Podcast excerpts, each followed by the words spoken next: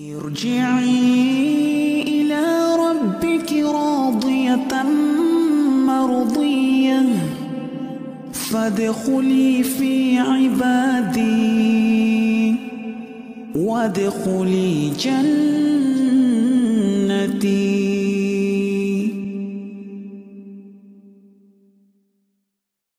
بسم الله الرحمن الرحيم. السلام عليكم ورحمة الله وبركاته. Waalaikumsalam. Alhamdulillahi ala ihsanihi wa syukru lahu ala taufiqihi wa amtinanih. Asyhadu an la ilaha illallah wahdahu la syarika lahu ta'ziman li sya'nih. Wa asyhadu anna Muhammadan abduhu wa rasuluhu ad-da'i ila ridwanih. Sallallahu alaihi wa ala alihi wa sahbihi wa ikhwanih. Amma ba'd. Uh, ayyuhal ikhwah, yang dimuliakan oleh Allah Subhanahu wa taala. Kita alhamdulillah bisa bertemu mungkin bagi saya untuk pertama kalinya dengan antum di kajian RSKD ya, Rumah Sakit Kanker Darmais. Dan insya Allah sebagaimana yang diamanahkan oleh panitia, kita akan berbicara tentang bagaimana sikap seorang muslim, seorang mukmin dalam menghadapi pandemi ada 10 poin yang insya Allah akan kita bahas. Mudah-mudahan waktunya cukup. Allah Subhanahu wa taala tentunya sebagaimana yang kita imani memiliki sifat hikmah dan itu terkandung dari nama Allah yang sering kali kita baca dalam Al-Qur'an Al-Hakim. Nama Al-Hakim berarti dia memiliki sifat hikmah dalam kadar yang paling sempurna. Dan sifat hikmah itu artinya wada'u syai'i fi mawdi'ihi. Menempatkan sesuatu pada tempat yang pas. Dan ini berlaku pada semua ketetapan dan keputusan Allah Subhanahu wa taala. Apa pun yang terjadi di dunia ini ayuhal ikhwah, kebaikan, keburukan, hal-hal yang menyenangkan, hal-hal yang membuat kita sedih, musibah, kenikmatan, tidak ada satupun yang terjadi kecuali itu dengan takdir Allah Subhanahu wa taala. Allah berfirman, "Inna kulla syai'in khalaqnahu biqadar." Sesungguhnya segala sesuatu kami ciptakan dengan takdir, dengan ketentuan, dengan kadarnya masing-masing. Skenario sudah diatur oleh Allah Subhanahu wa taala. Yang benar-benar memberikan manfaat dapat memberikan manfaat maupun menimpakan suatu kemudaratan sejatinya hanya Allah Subhanahu wa taala. Adapun selain Allah, dia hanya menjadi sebab. Tapi musabbibnya yang menciptakan sebab itu adalah Allah Subhanahu wa taala. Walaupun kita yakin semua bahwa COVID-19 ini virus yang berbahaya, cepat menular, bahkan uh, mortalitasnya sampai mungkin rata-rata 4 persen ya seluruh dunia ya atau mungkin lebih dari itu di, di sebagian negara hampir mencapai 8 persen di sebagian negara tapi kita yakin yang menakdirkan kematian bukanlah virus. Virus hanyalah satu dari sekian banyak sebab-sebab kematian. Allah Subhanahu wa taala yang menghidupkan dan Allah pula yang mematikan. Ya. Alladzi khalaqal mauta wal hayata liyabluwakum ayyukum ahsanu amala. Jadi kita harus yakin bahwasanya ini pasti terjadinya atas pengetahuan Allah, Allah telah menuliskan itu dalam Al-Lauhul Mahfud. Allah menghendaki apa yang ternyata akan terjadi dan Allah juga yang menciptakan sebab-sebabnya. Sehingga kita pun harus berusaha untuk mengembalikan solusi ini semua kepada aturan-aturan Allah. Allah yang menciptakan dan Allah telah memberikan solusi. Nanti kita akan bahas bagaimana solusinya supaya pandemi ini berakhir dengan kemenangan bagi orang-orang beriman, berakhir dengan pahala yang besar bagi mereka, berakhir dengan ampunan dosa, bukan berakhir dengan tangisan semata, dengan kesedihan yang tak kunjung reda, ya, atau dengan derita. Itu semua akan terjadi mana, manakala kita mengetahui bagaimana cara kita menyikapi pandemi ini sesuai dengan bimbingan syariat Allah Subhanahu wa taala. Sehingga dari poin pertama ini, kalau kita sudah meyakini Allah Subhanahu wa taala yang menakdirkan ini semua, kita harus tahu bahwa di balik ketetapan-ketetapan Allah yang bagi kita itu adalah musibah yang tidak mengenakkan, itu ada maksud. Allah tidaklah menimpakan suatu musibah, melainkan ada tujuan. Ada banyak hikmah di balik musibah itu. Pertama,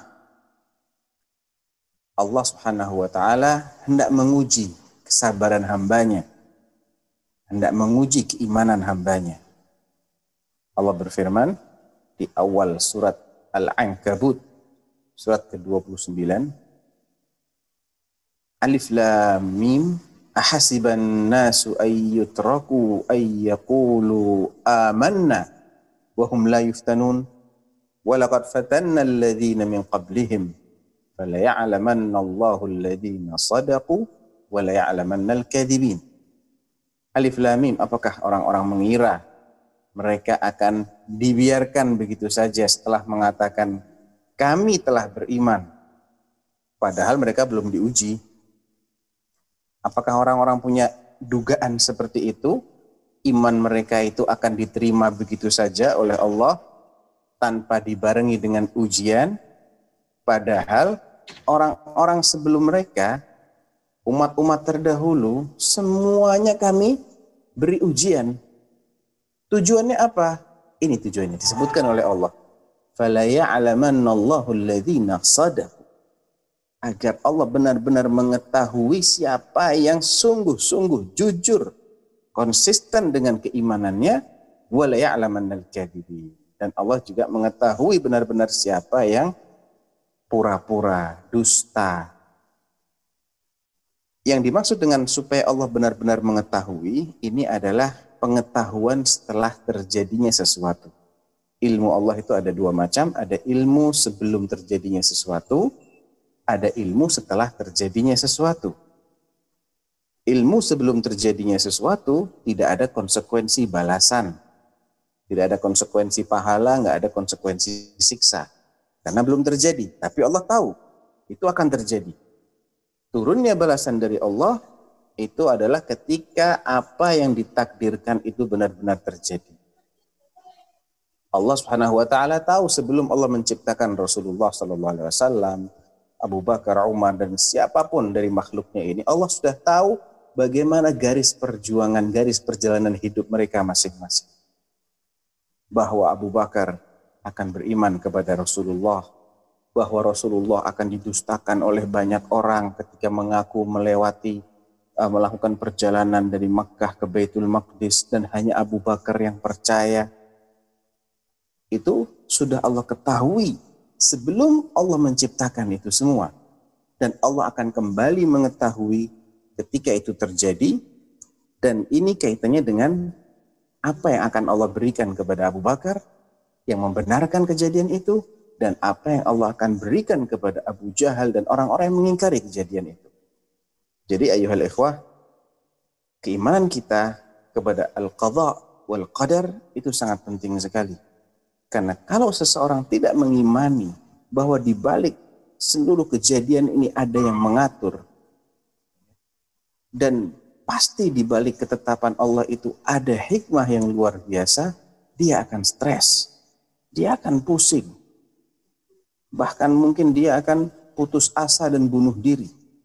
Bingung apa yang harus saya lakukan. Dia sudah berusaha sekian luar biasa untuk mencegah terjadinya sesuatu, sesuatu sudah berusaha menghindar, menghindar, kena juga dia. Kemudian dia meninggal dunia. Keluarganya pun ikut stres.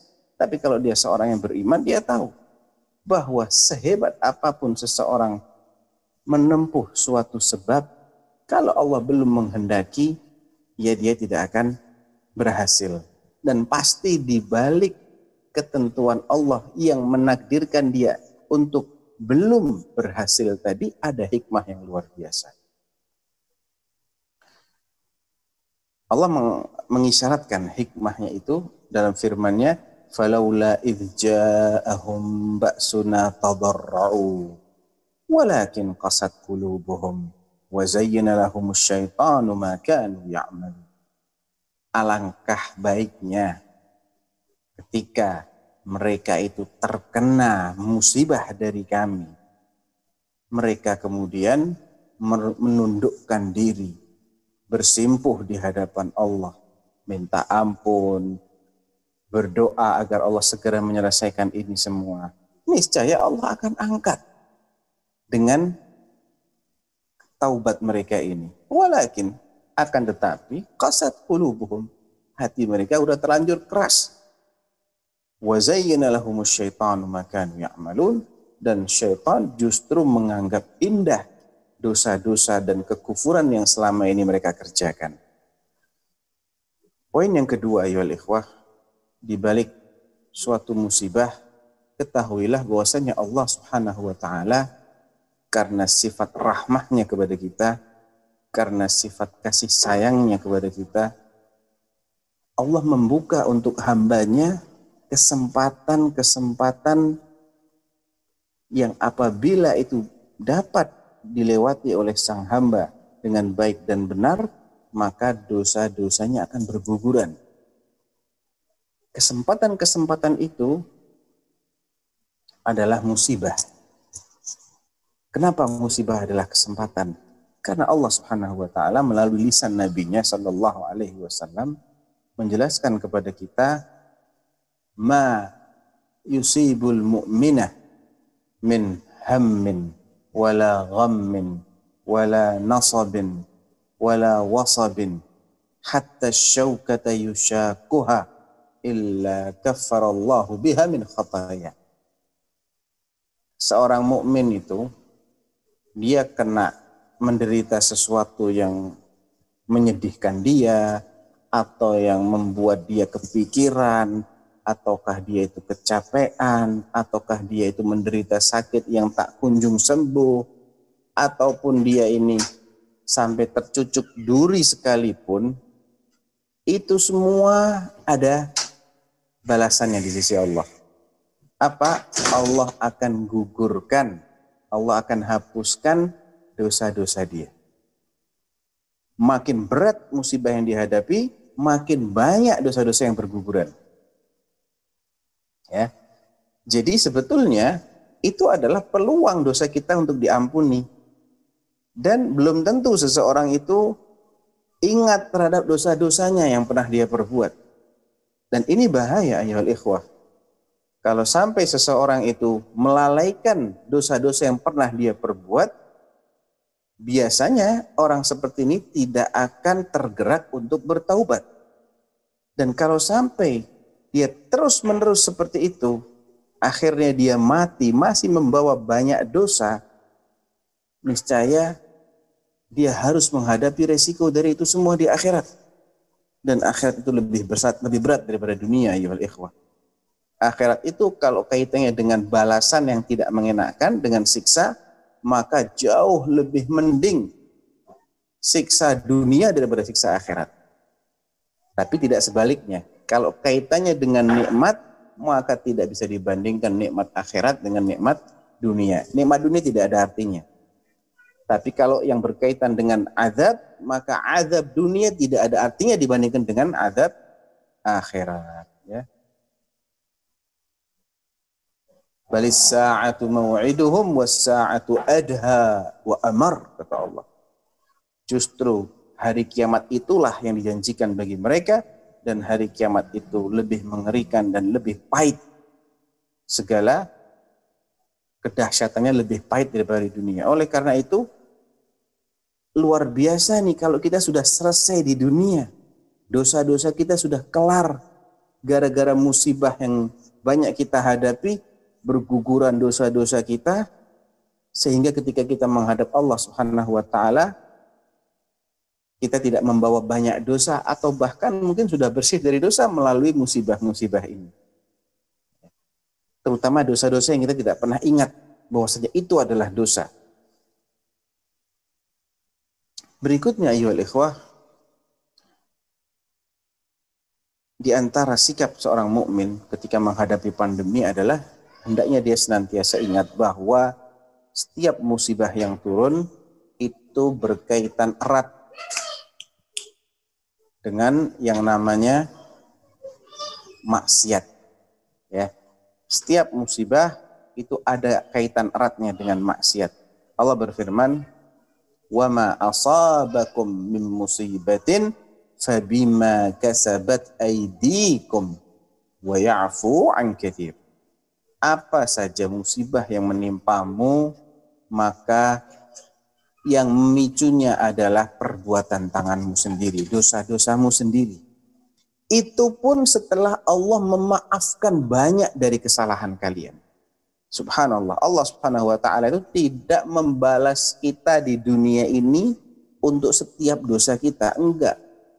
Yang Allah balas itu hanya sebagian kecil dari dosa kita. Allah masih menunda, memberikan tangguh. Barangkali hambaku ini yang mendolimi dirinya sadar. Barangkali dia akan insaf. Allah masih tangguhkan. Di antara dosa-dosa kita itu ada sedikit yang Allah balas di dunia ini. Sebagai teguran dari Allah subhanahu wa ta'ala. Oleh karena itu dalam hadis yang diriwayatkan oleh Ibnu Majah dengan sanad yang sahih Nabi bersabda lam tadhharil fahishatu fi qaumin qattu hatta yu'linu biha illa fasha fihim at-ta'un wal allati lam takun fi aslafihim alladhina madaw.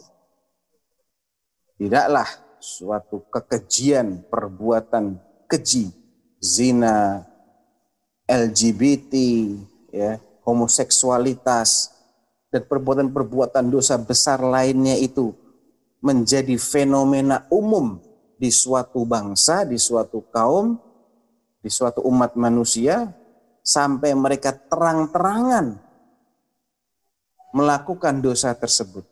Kalau kita perhatikan, yang namanya ajakan untuk melegal melegalkan homoseksualitas itu sekarang bukan lagi sembunyi-sembunyi saudara-saudaraku sekalian. Terang-terangan kampanyenya orang-orang LGBT kaum gay itu terang-terangan dan itu menimbulkan dampak. Apa dampaknya? Illa fasya fihimut ta'un. Melainkan akan mewabah di antara mereka at-ta'un. Ta'un ini adalah jenis penyakit wabah yang mematikan. Dahulu dikenal penyakit ta'un ini dengan istilah atau penyakit ta'un ini dikenal dengan istilah plague disease. Ya, mohon saya saya dikoreksi kalau salah. Plague itu artinya penyakit pes ya yang disebarkan oleh tikus dan itu cukup mematikan. Wal auja dan penyakit-penyakit lain yang belum pernah ditemukan pada generasi sebelum mereka. Dan kita tahu pandemi ini juga baru dirasakan di abad ke-21. Mulai tak akhir tahun 2019 sampai sekarang belum pernah kita menemukan pandemi seperti ini penyakit COVID-19 ini belum pernah kita temukan. Dan ini adalah sudah dijelaskan oleh Nabi Shallallahu Alaihi Wasallam penyebabnya adalah merajalelanya perbuatan keji. Kalau kita ingin selesai, hentikan perbuatan keji. Cegah orang-orang yang mempropagandakan kekejian itu. Hukum mereka. Supaya tidak berkelanjutan perbuatan ini. Allah juga berfirman di surah An-Nahl, "Walau yu'akhidullahu an-nasa bidzulmihim ma taraka 'alaiha min dabbah." Andai Allah itu hendak menghukum umat manusia ini gara-gara kezoliman mereka, artinya setiap kezoliman yang mereka lakukan langsung Allah hukum mereka di dunia ini, mata roka alaiha min Niscaya tidak ada satupun makhluk hidup yang tersisa di permukaan bumi. Semuanya akan habis, akan dibinasakan oleh Allah. Walakin yuakhiruhum ila ajalin musamma. Akan tetapi Allah memang sudah memberikan tangguh mereka sampai batas waktu yang telah ditentukan. Ya, pembalasan itu nanti finalnya di akhirat.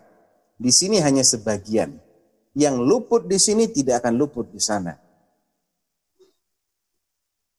Di surah yang lain, surah Fatir, Allah mengatakan lagi dengan makna yang hampir sama. Walau yu'akhidullahu nasa bima kasabu ma taraka alaiha min dafah. Maknanya hampir sama.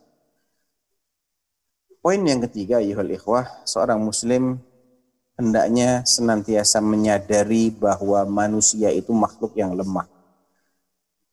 Walaupun umat manusia ini memiliki kemajuan teknologi, ilmu pengetahuannya sudah demikian berkembang, penemuan-penemuan baru, penemuan ilmiah, teknologi-teknologi baru bermunculan.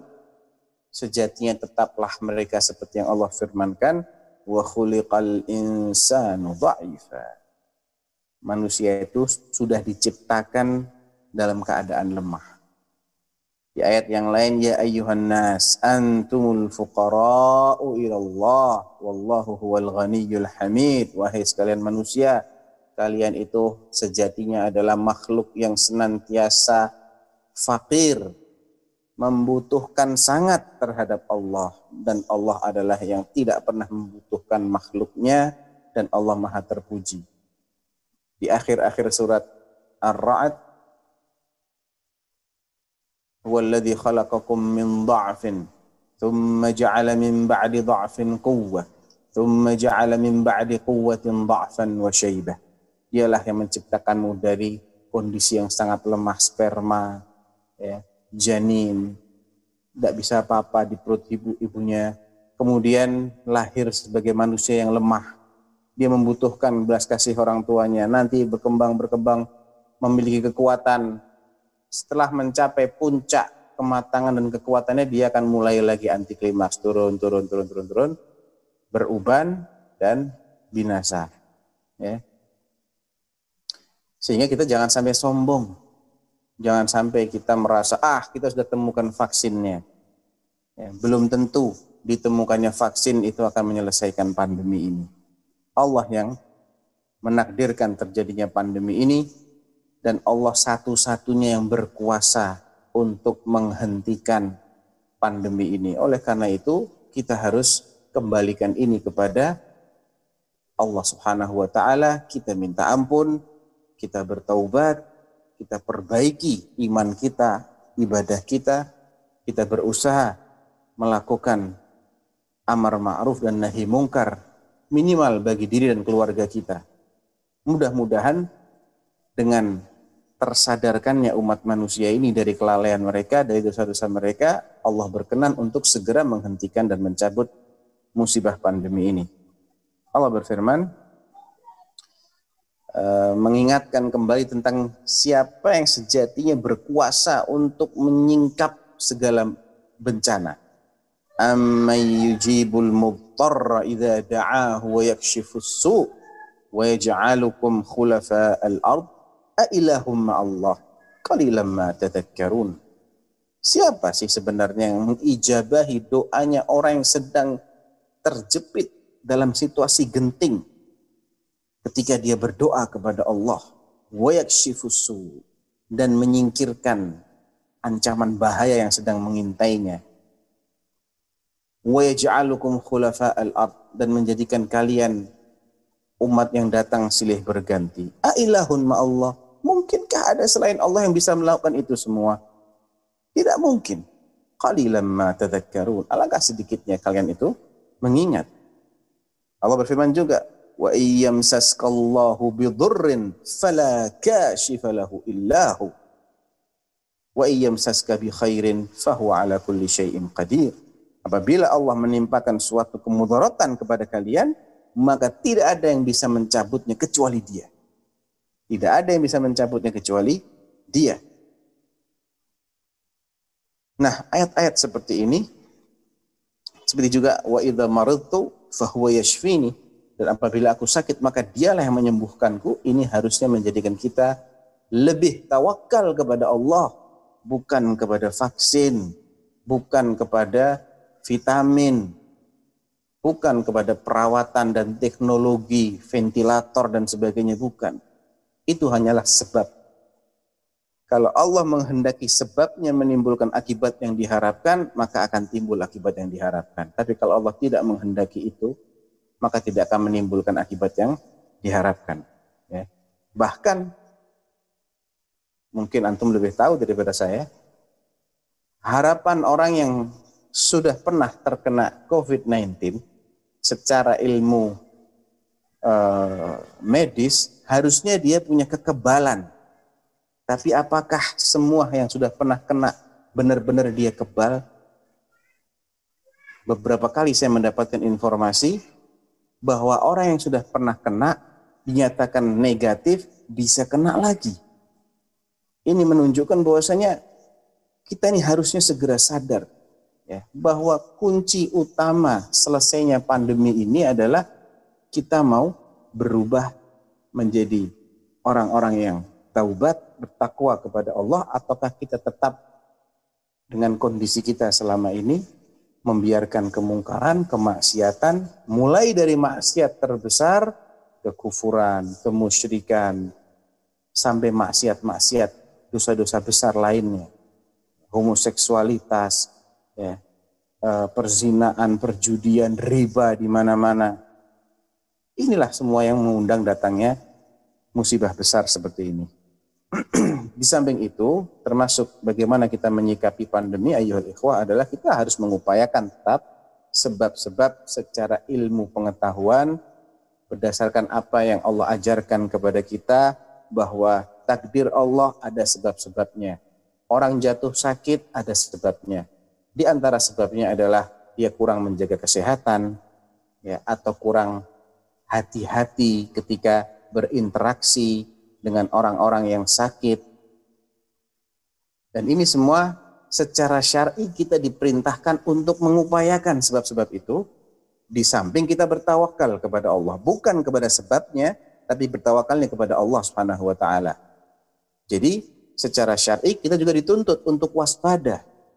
Kalau memang secara ilmu pengetahuan yang Allah ajarkan kepada umat manusia, virus ini bisa menular melalui butiran-butiran halus yang keluar dari saluran pernafasan orang yang sakit. Apabila itu terhirup oleh orang yang sehat dia bisa menular maka hendaknya kita menjaga diri. Menggunakan masker masker yang bagus menjaga jarak sering-sering cuci tangan. Di samping kita mengonsumsi makanan-makanan dan minuman yang menyehatkan kita berusaha untuk istirahat yang cukup untuk olahraga, ya, menghindari stres. Di antara caranya juga adalah zikrullah azza wa jalla. Ala bizikrillahi tatma'innul qulub. Ingatlah dengan mengingat Allah, hati kita tenang. Kalau hati tenang, enggak stres. Kalau enggak stres, imun kita meningkat. Zikrullah bisa kita lakukan dengan ibadah salat. Bisa kita lakukan dengan lisan kita. Bisa dengan pikiran kita tafakkur. Ini semua adalah bagian dari zikrullah. Dan itu akan menambah kekuatan kita. Sebagaimana yang Allah firmankan melalui lisan Nabi Hud alaihi salatu wassalam. Wa ya qaumi istaghfiru rabbakum thumma tubu ilaihi yursilis samaa alaikum midrara wa yazidkum quwwatan ila quwwatikum wa la tatawallaw mujrimin. Hud alaihi salatu wassalam menasihati kaumnya wahai kaumku istaghfiru rabbakum. Minta ampunlah kalian kepada Allah. Istighfar adalah salah satu dari lafaz zikir. Astaghfirullah wa atubu ilaih. Thumma tubu ilaih. Dan bertaubatlah kalian kepada Allah. Taubat juga bentuk orang mengingat Allah. Karena hanya orang yang ingat Allah yang akan bertaubat. Orang nggak ingat Allah nggak akan bertaubat. Apa yang akan Allah berikan kepada orang yang istighfar dan taubat ini? Yursilis sama'a alaikum midrar. Allah akan kirimkan hujan yang banyak kepada kalian wa yazidkum quwwatan ila quwwatikum dan Allah akan menambah kekuatan kalian di atas kekuatan yang sudah ada pada kalian. Ya. Saya yakin para dokter ini luar biasa capeknya ketika musim pandemi seperti ini. Ya. Dan ingatlah pesan Nabi Shallallahu Alaihi Wasallam kepada putrinda beliau Fatimah radhiyallahu anha yang pernah uh, kecapean karena tidak punya pembantu. Dia pun datang kepada ayahandanya minta agar diberi budak yang bisa membantunya dalam mengurus urusan rumah tangga. Tapi apa kata Nabi? Mau enggak engkau wahai Fatimah kuajarkan? Ya, ini disampaikan oleh Nabi kepada Fatimah dan kepada Ali berdua. Mau enggak engkau kuajarkan sesuatu yang lebih baik untuk kalian berdua daripada seorang pembantu? Mau ya Rasulullah. Kalau kalian berdua pada mau tidur, kata Nabi, bacalah subhanallah 33 kali, alhamdulillah 33 kali, dan Allahu Akbar 34 kali. Ya. Subhanallah 33, Alhamdulillah 33, dan Allahu Akbar 34 kali, genap 100. Fahuwa khairul lakuma min khadim, kata Nabi. Bacaan ini menjelang tidur bagi kalian lebih baik daripada seorang pembantu.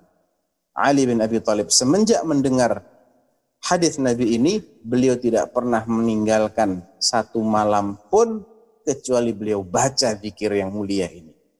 Walau bahkan ketika beliau besoknya mau perang sekalipun, beliau tidak lupakan zikir yang diajarkan oleh Nabi. Jadi sebab-sebab syar'i maupun sebab-sebab duniawi kita harus upayakan dalam menghindarkan diri dari terkena uh, wabah penyakit ini. Sebab duniawi antum lebih tahu daripada anak. Sebab syar'inya adalah perbanyak zikrullah, doa, tawakal kepada Allah, ya. Demikian juga dengan menjaga atau memperbanyak sedekah, ya. Sedekah itu memberikan efek terhindarnya seseorang dari eh, kematian-kematian yang tidak mengenakkan. Sedekatus sir taqi masari asu. Ya. Di samping itu banyak doa-doa yang diajarkan oleh Nabi Shallallahu Alaihi Wasallam. Ini termasuk sebab syar'i juga seperti doa Allahumma inni a'udzubika minal baras wal junun wal judam wa min sayyi'il asqam. Ya Allah, aku berlindung kepadamu dari penyakit belang, gila, lepra, dan penyakit-penyakit yang jahat lainnya. Ya Allahumma inni a'udzubika minal barasi wal jununi wal juzami wa min sayyi'il asqam. Nabi juga mengajarkan doa bagi orang yang sedang terundung bencana. Doa itu adalah doanya Nabi Yunus di surat Al-Anbiya. La ilaha illa anta subhanaka inni kuntu minal zalimin. Berbanyak kita membaca ini. La ilaha illa anta subhanaka inni kuntu minadh zalimin. Allah bercerita tentang bagaimana Nabi Yunus ketika beliau mengulang-ulang bacaan ini. Wa dhannuni idh dhahaba mughadiban fa dhanna an lan naqdir alayhi fanada fi dhulumat alla ilaha illa anta subhanaka inni kuntu minadh zalimin fastajabna lahu wa najjaynahu minal gham Kadzalika nunjil mu'minin. Maka kami ijabahi dia setelah beliau mengulang-ulang doa ini. Di tengah kegelapan yang berlipat-lipat, kegelapan malam, kegelapan samudera, dan kegelapan perutnya ikan. Allah langsung mengijabahi fastajabna lahu wa najjaynahu minal gham dan kami bebaskan dia dari kegundah gulanaannya dia. Wa kadzalika nunjil mu'minin dan seperti itulah kami akan bebaskan orang-orang beriman. Jadi ini bukan hanya untuk Nabi Yunus. Ini juga untuk orang-orang beriman. Yang penting kita yakin ketika kita baca doa ini. Ya, kita istighfar sama Allah. Ini kan doa isinya kan tidak ada permintaan sebetulnya. Doa ini dibilang sebagai doanya orang yang sedang dirundung bencana, padahal lafadznya kalau kita renungi tidak ada unsur meminta sesuatu. Isinya apa? Puji-pujian kepada Allah. La ilaha illa anta. Ini adalah ikrar terhadap uluhiyahnya Allah terhadap hak Allah untuk diibadahi, menjadi satu-satunya yang diibadahi. Dan Allah paling senang dengan lafat ini. Inilah yang dibilang kalimatut tayyibah. Ya, kalimat yang sangat baik.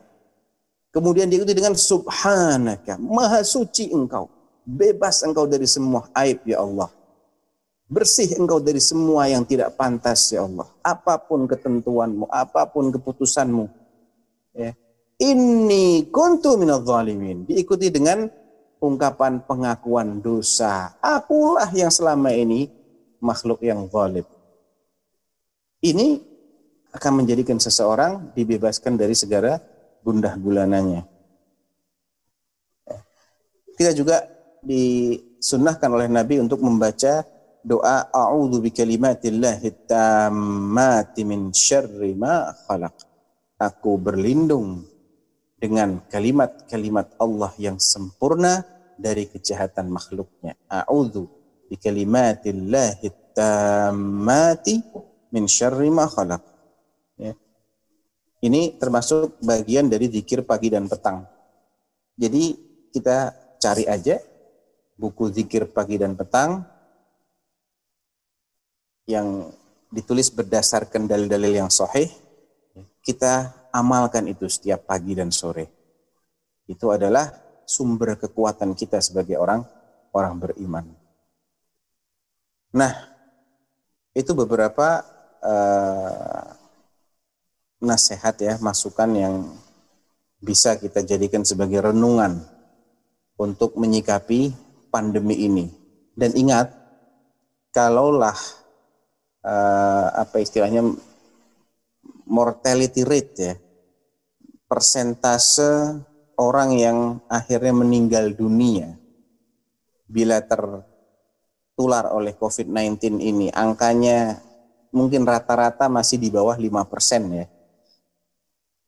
Jadi saya sempat cek yang meninggal itu belum ada satu juta, yang terkena sudah sekitar 70 sekian juta. Ya, Allah alam berarti berapa itu persentase kenanya ya. Bisa dihitung sendiri. Maka persentasenya kita bakal mati itu malah 100 persen kalau mati kena corona itu sekian persen saja, kalau kita pasti mati itu 100 persen kita pasti mati dan kita nggak tahu kita ini matinya kapan dan apa penyebab kematian kita. Sehingga kita juga harus mengkhawatirkan kalau kita nggak segera taubat, kita masih tetap dengan uh, kondisi kita yang tidak diridhoi oleh Allah, dan tiba-tiba kita mati, ini akan lebih fatal akibatnya.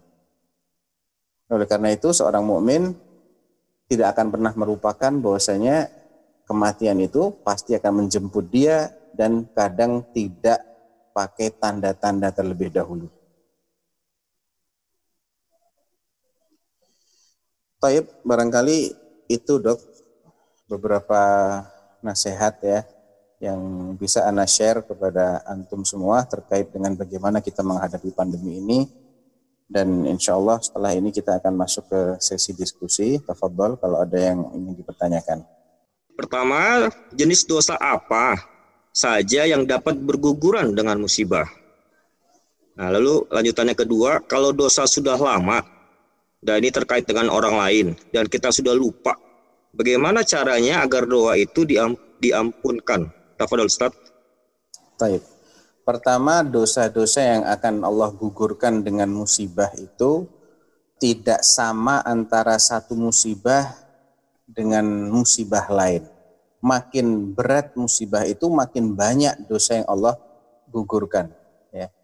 Dan dosanya itu bisa besar, bisa kecil juga.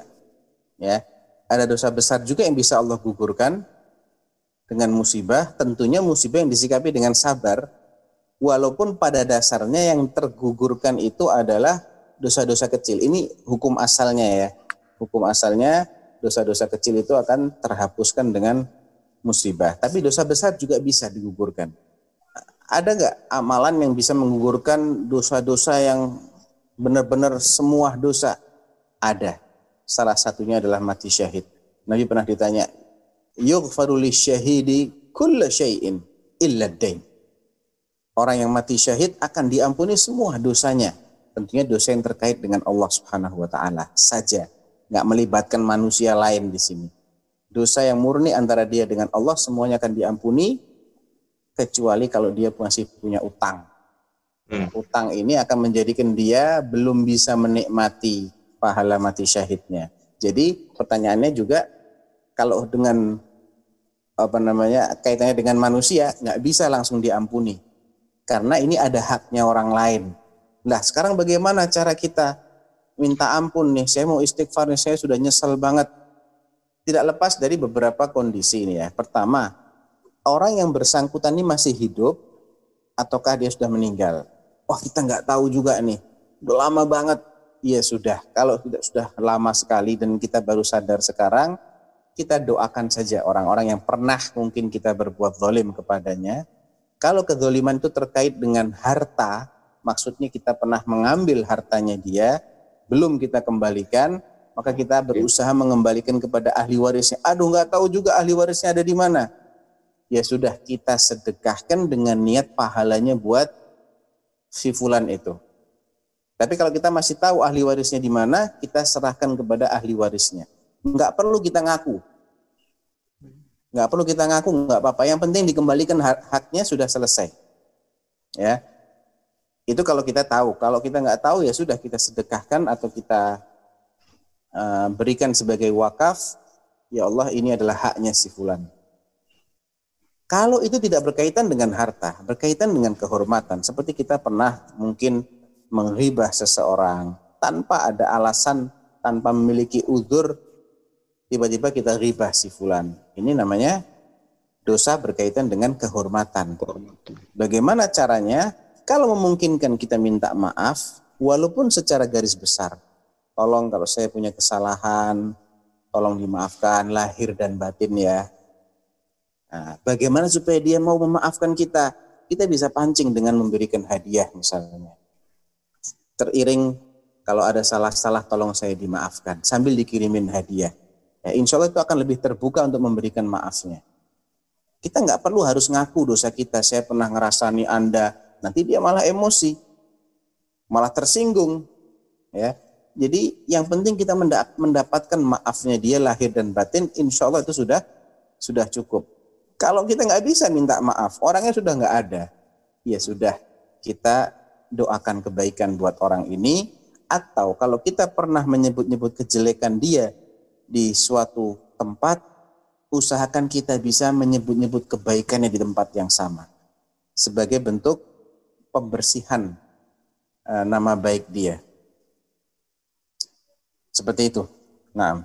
Jika penyakit berkaitan dengan kemaksiatan, kenapa orang-orang yang nggak berusaha ikut terkena nih Ustaz nih? Nah, apa Ustaz? Taib. Sekarang siapa bisa mengatakan ada orang yang nggak berdosa di dunia ini? Hah? Ada yang berani menjamin dirinya nggak punya dosa? Nggak ada. Kita ini pasti punya dosa. Cuman kita nggak merasa aja kalau kita punya dosa itu kan yang jadi masalah. Toib, toib. Nah, jadi pertama nggak ada orang bebas dari dosa. Semua orang punya dosa. Cuman dia tidak merasa. Yang kedua, Allah Subhanahu wa taala memberikan hukuman seperti ini itu karena orang-orang yang tidak ikut bermaksiat. Misalnya maksiat yang dimaksud adalah zina dan homoseksualitas. Oke, kita nggak zina, kita nggak homoseksualitas, nggak menyetujui LGBT itu.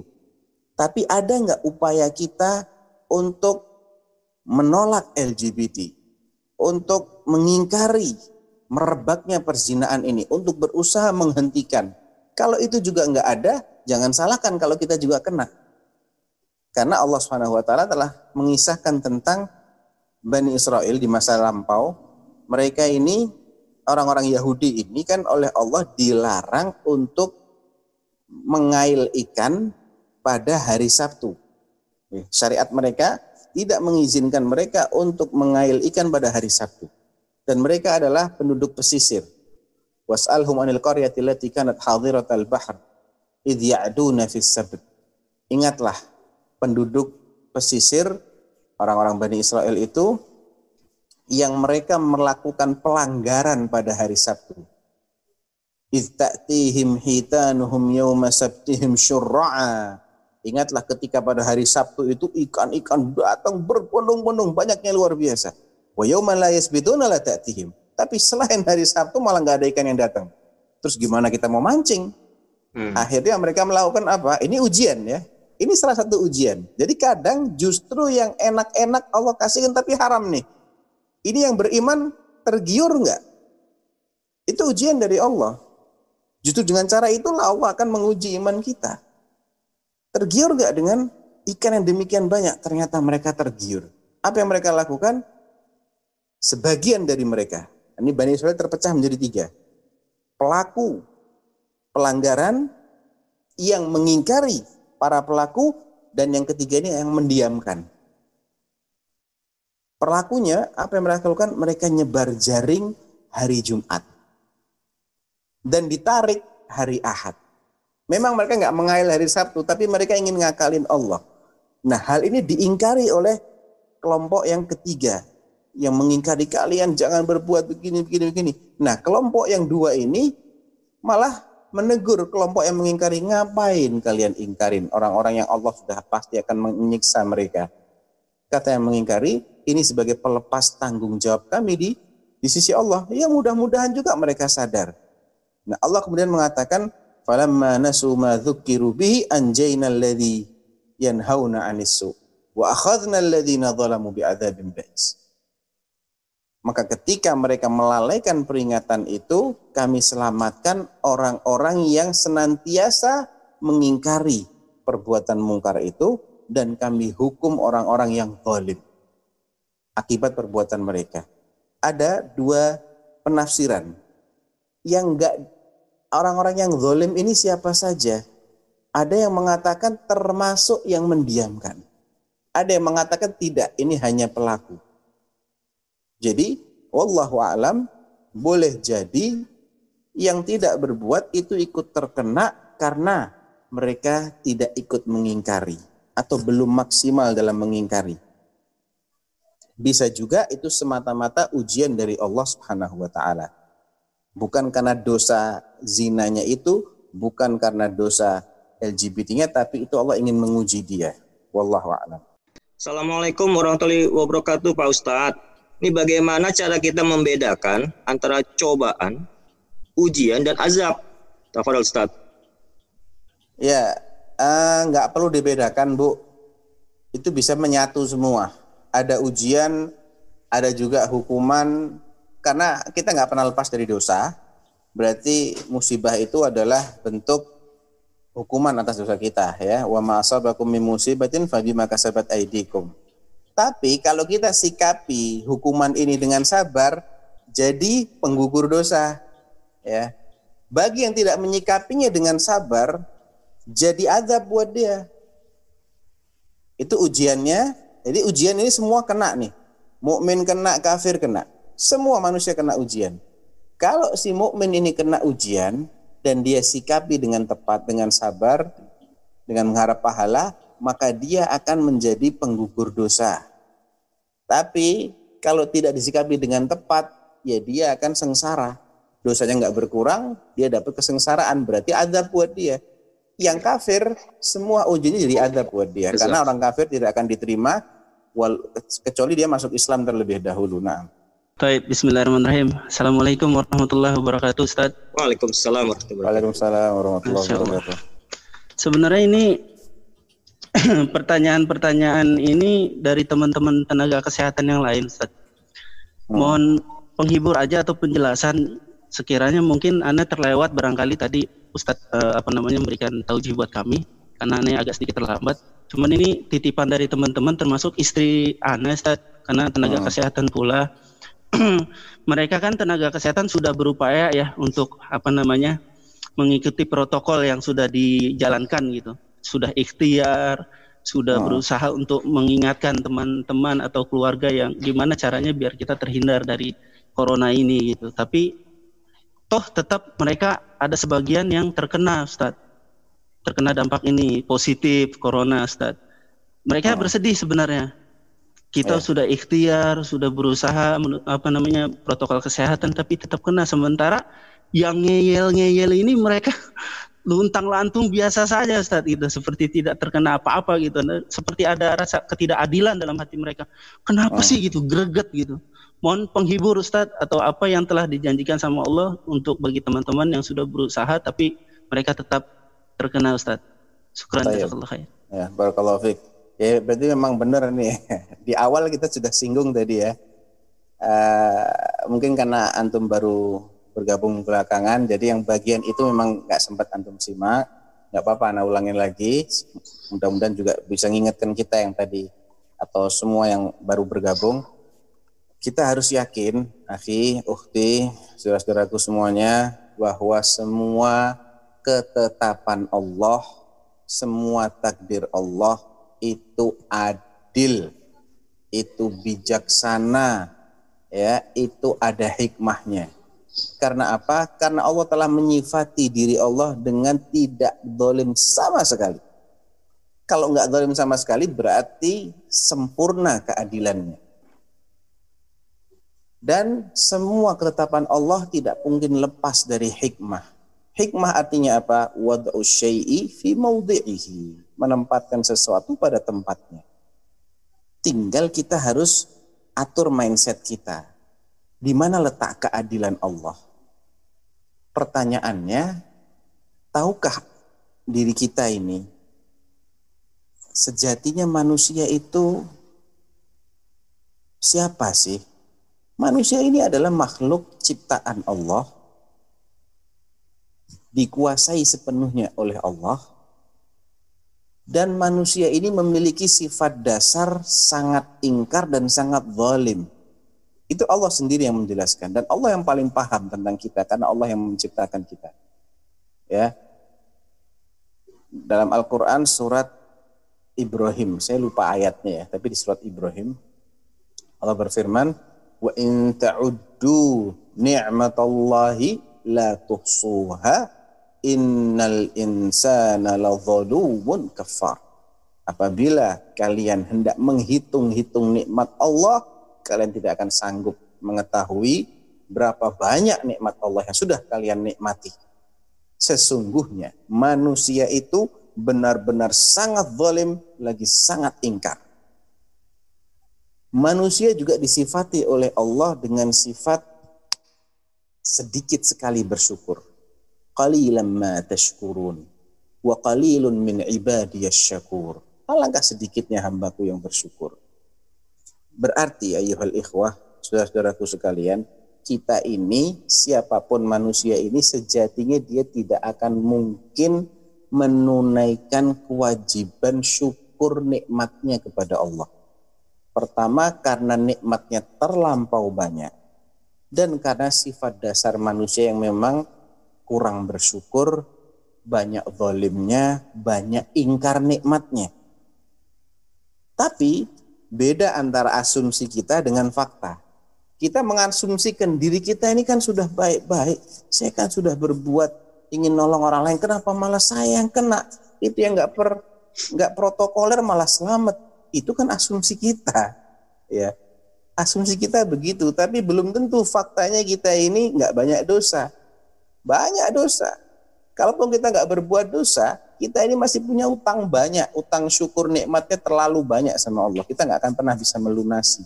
Sehingga kalau Allah menghukum kita, itu Allah nggak zalim, nggak zalim. ya, kita harus harus yakin dulu Allah nggak zalim sama kita karena Allah yang punya kita. Total itu kita miliknya Allah. Inna lillah wa inna ilaihi rajiun. Ya, tidak adilnya di mana? Di mana nggak adilnya? Siapa yang berhak menentukan ini adil, ini nggak adil? Masa manusia? Manusia kan beda-beda pola pikirnya. Adapun fulan tidak terkena, itu belum tentu dia terbebas dari musibah yang lain. Kita nggak tahu. Hanya mungkin dalam satu kasus aja masalah corona dia nggak kena. Tapi boleh jadi dia punya musibah lain yang lebih besar yang menimpa agamanya dia. Kalau cuma menimpa kesehatan, ujung-ujungnya kita juga bakal mati kok. Tapi yang penting itu bukan kita mati itu nggak mati. Yang penting ini kita ini matinya beriman, bertakwa di atas tauhid ataukah tidak. Kalau mati semua orang bakal mati. Kullu nafsin itu ada mati kecelakaan, ada mati eh, korban gempa, korban banjir, semua bakal mati, mati COVID, mati yang lain. Ya. Masalahnya bukan mati nggak mati, masalahnya bagaimana Allah meridhoi kita enggak. Dan dan kita ini harus memposisikan diri kita. Ketika kita yang kena, jangan salahkan Allah sedikit pun. Hati-hati, hati-hati dengan bisikan syaitan. Kita nggak tahu apa amalan yang tidak dilakukan yang dilakukan oleh orang-orang yang menurut kita mereka ini pada ngeyel semua, tidak ikut protokol. Kita nggak tahu. Kalau dia orang kafir, yakinlah itu adalah istidraj. Tapi kalau dia sesama orang-orang beriman, kita nggak tahu mungkin ada amalan tersembunyi yang menjadikan dia terbebas dari itu, walaupun di sisi lain dia tidak sesuai dengan protokol kesehatan. Ya. Intinya yang penting adalah bagaimana kita bisa memposisikan diri kita, ini sudah takdir Allah, pasti ada hikmahnya. Kita berusaha untuk berobat semaksimal kita, kita tingkatkan iman kita. Kalau seandainya Allah menetapkan sesuatu yaitu kematian dan kita bersabar, insya Allah itu menjadi husnul khatimah. Amin. Nah, Assalamualaikum warahmatullahi wabarakatuh Pak Ustadz. Apakah ketetapan Allah bisa bertentangan dengan sunatullah? Terima kasih itu Ustadz. dah. Ini Anda bacanya aja nih. Ustadz. Jadi ketetapan Allah bertentangan dengan sunnatullah. Ada sunnatullah yang sifatnya hukum kauni ya. Hukum kauni itu yang terkait dengan terjadinya sesuatu.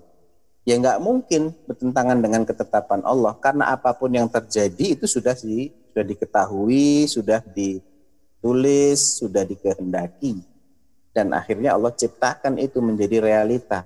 Jadi nggak ada pertentangan Enggak ada ya. nggak ada pertentangan. Tapi kalau antara sesuatu yang terjadi itu bertentangan dengan syariat Allah, iya. Tidak semua kejadian itu sesuai dengan aturan syariat. Memang faktanya kan begitu kan? Iya kan? Ada perbuatan zina, orang benar-benar berzina. Zina nggak sesuai dengan syariat, tapi terjadi.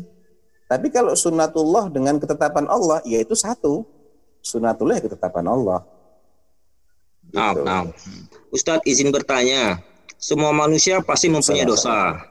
Jika orang tua kita sudah meninggal dunia dan belum sempat bertobat misalnya, atau kita sebagai anak tidak tahu apakah orang tua kita sudah bertobat atau belum.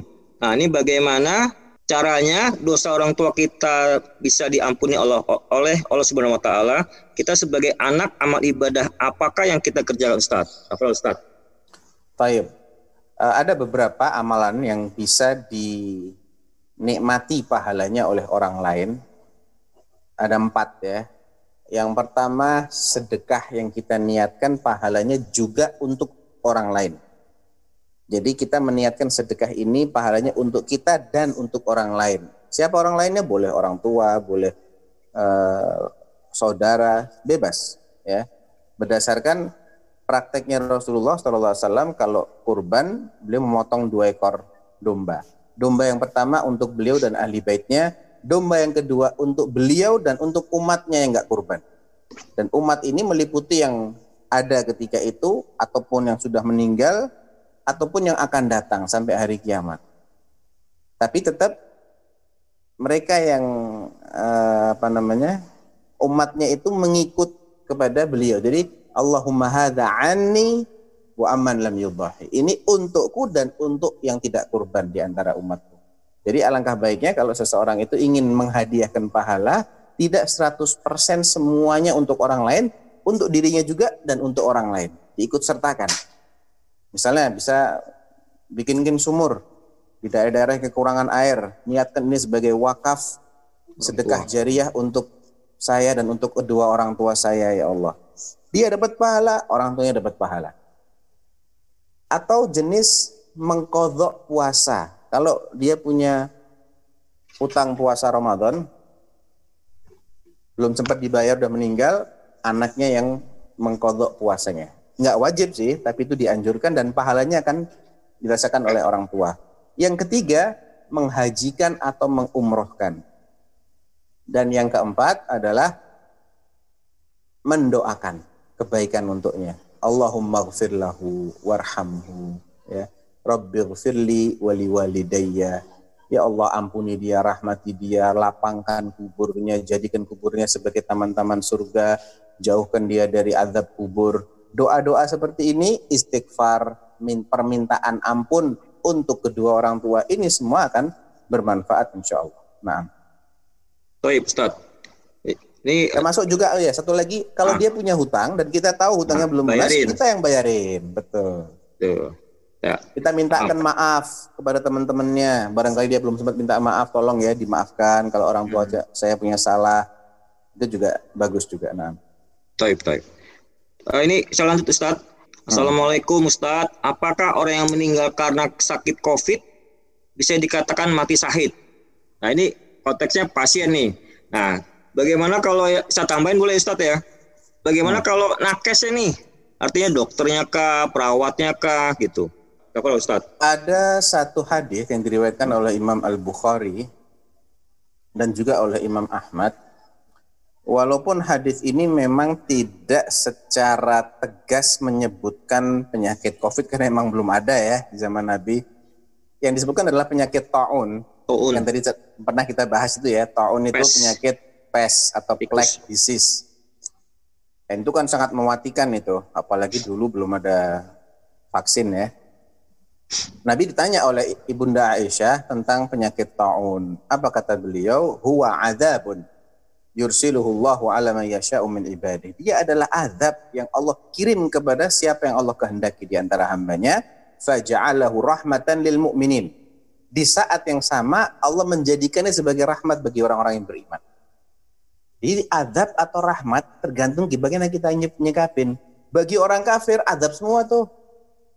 Azab semua. Karena udah mereka sakit nggak diampuni dosa-dosanya. Karena mereka masih punya dosa besar, dosa paling besar, kufur.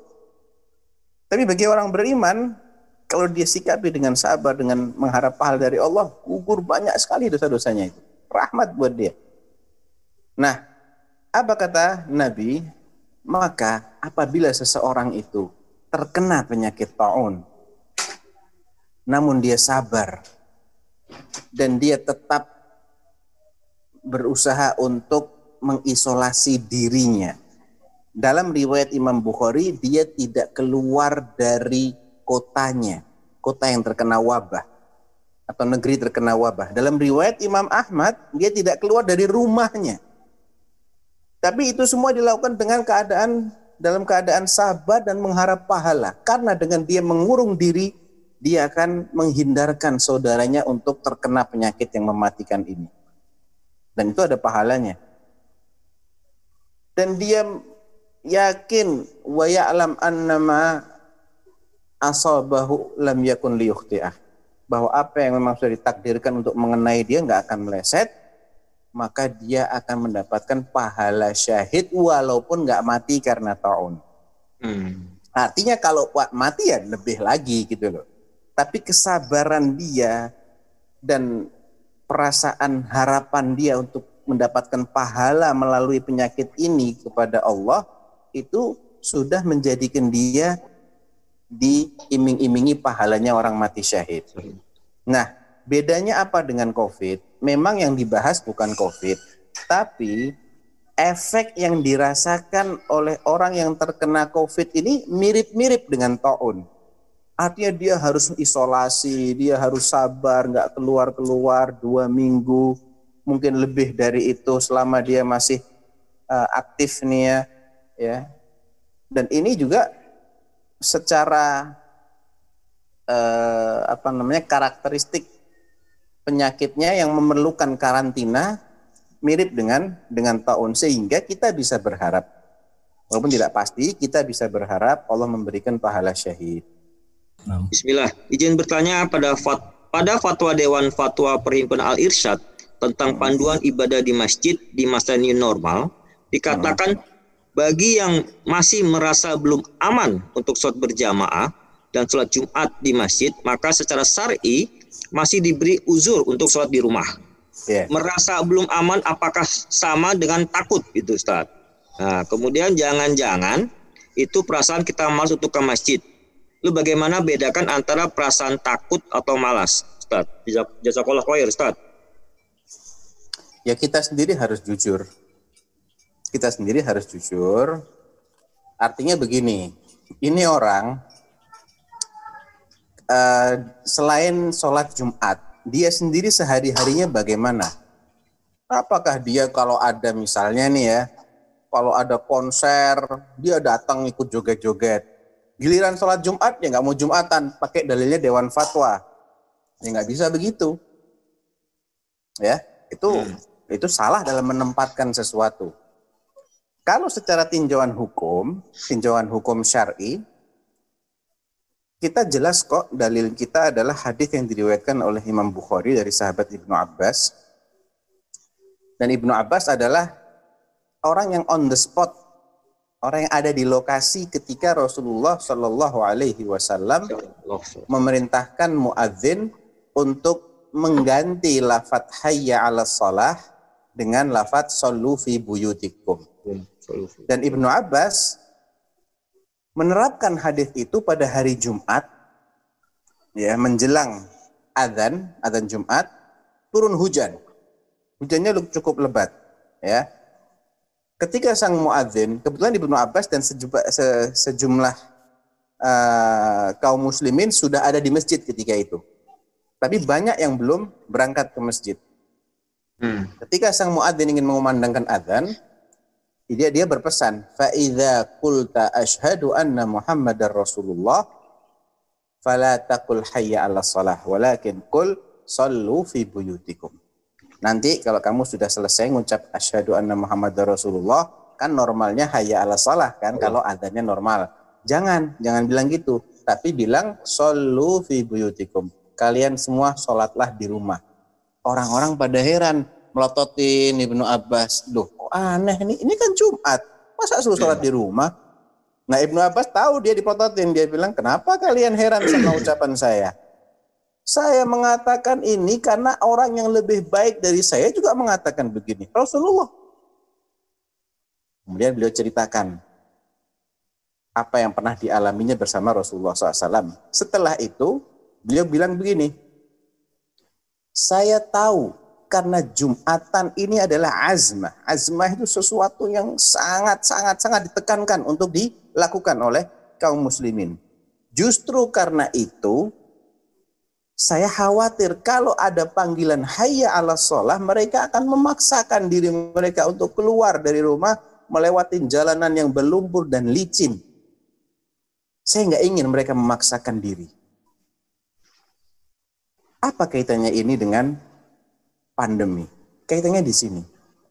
Sekarang anak tanya antum, apakah ketika jalanan itu berlumpur, orang yang lewat pasti terpleset? Pasti terpleset nggak? Enggak. Enggak kan? Enggak. Tapi ada kemungkinan ya, Ada resiko.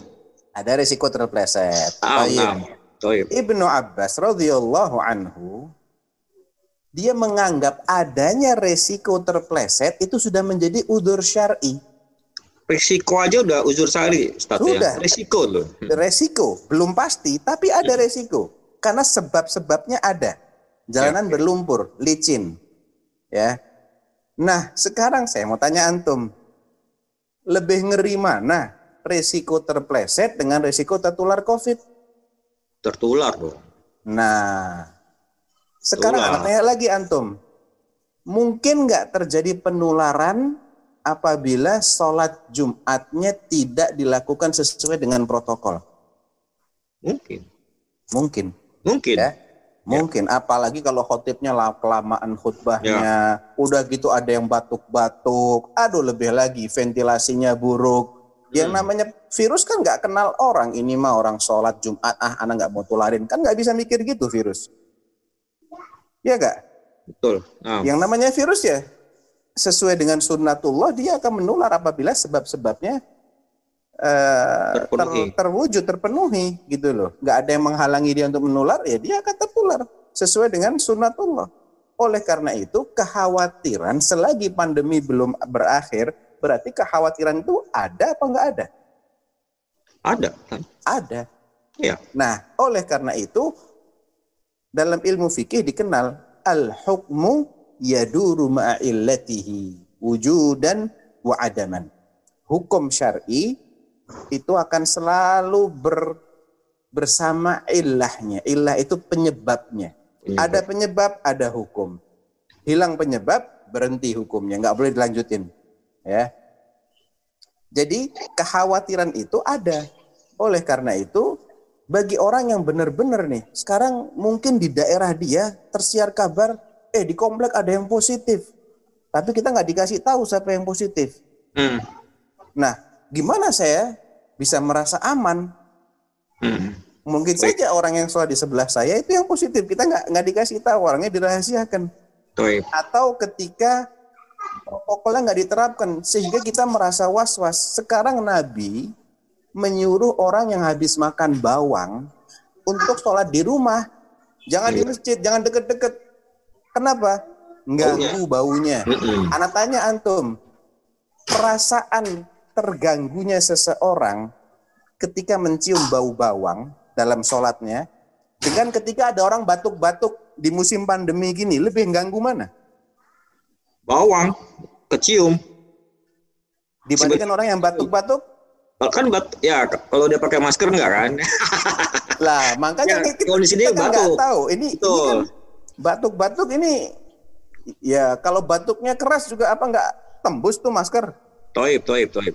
Betul. Jadi artinya karena orang lagi orangnya juga nggak pada disiplin, jadi banyak hal. Ana masih ingat itu masjid di, di dekat Ana awalnya protokoler. Eh suatu ketika tiba-tiba dihentikan itu distancingnya, rapat lagi, kaget Ana. Udah terlanjur berdiri di soft, ya kita mulai hari ini softnya rapat. Aduh, subhanallah sholat subuh. Belum salam, dua orang di sebelah Ana batuk-batuk dia Innalillahi. itu was-was kita langsung. Jadi kita terusik, kehusuan kita terusik. Oleh karena itu, ini adalah udur-udur syar'i yang kalau kita lihat secara komprehensif ya, kita tidak tidak mengatakan sholat di masjid itu jelek tidak. Tapi kalau memang ada udur buat orang-orang yang memang dia fisiknya lemah ya, eh, Islam memberikan udur dan itu punya alasan yang sangat kuat dalilnya. Seperti yang tadi sudah Hana jelaskan.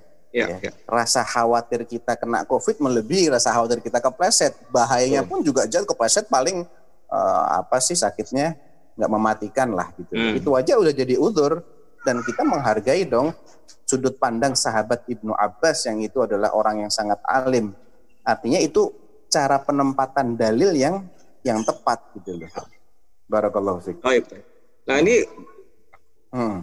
Nah kan kebetulan alhamdulillah di rumah daerah rumah Ana itu masjidnya masih ya kalau kita ingat ada zona merah, zona hijau. Ini hijau nih. Alhamdulillah kami juga apa mematuhi me- protokol kesehatan. Hmm. Nah, nah kalau misalkan kondisi seperti itu, Ana mencari masjid yang zona hijau, itu gimana Ustadz?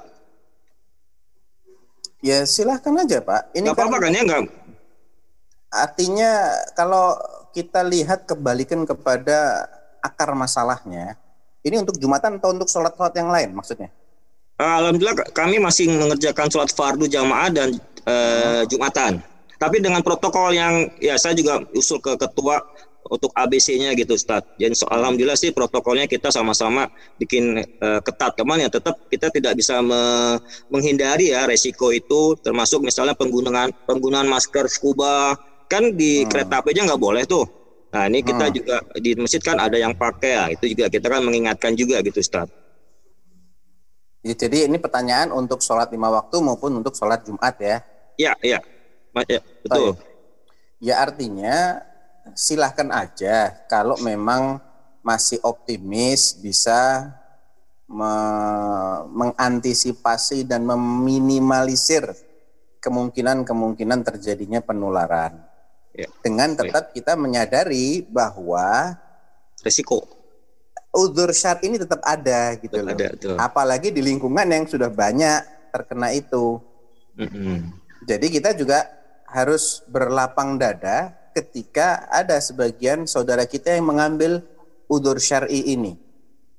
Dengan pertimbangan ini masih banyak ini dan antum mestinya lebih tahu daripada anak. Kan mutasi terus virusnya. Nah, nah, toib, toib. Nah, apalagi Ini vaksin belum ketemu, virusnya mutasi terus, Mutasi. kasusnya melonjak terus, rumah sakit udah pada penuh, kuburan pun juga penuh, apalagi yang di Jakarta tuh sampai Pak Gubernur beli tanah pemakaman lagi Toib, toib. dalam tiga minggu 700 sudah terisi. Ya akhi anak-anak anak kok merasa terlalu memaksakan gitu loh. Padahal ada udur. Ya, ya, ya. Cobalah kita ini sedikit berbicara tapi berdasarkan bimbingan dalil. Bimbingan. Bukan kepuasan pribadi loh ya. Harus kita bedakan antara kepuasan pribadi dengan hukum syar'i.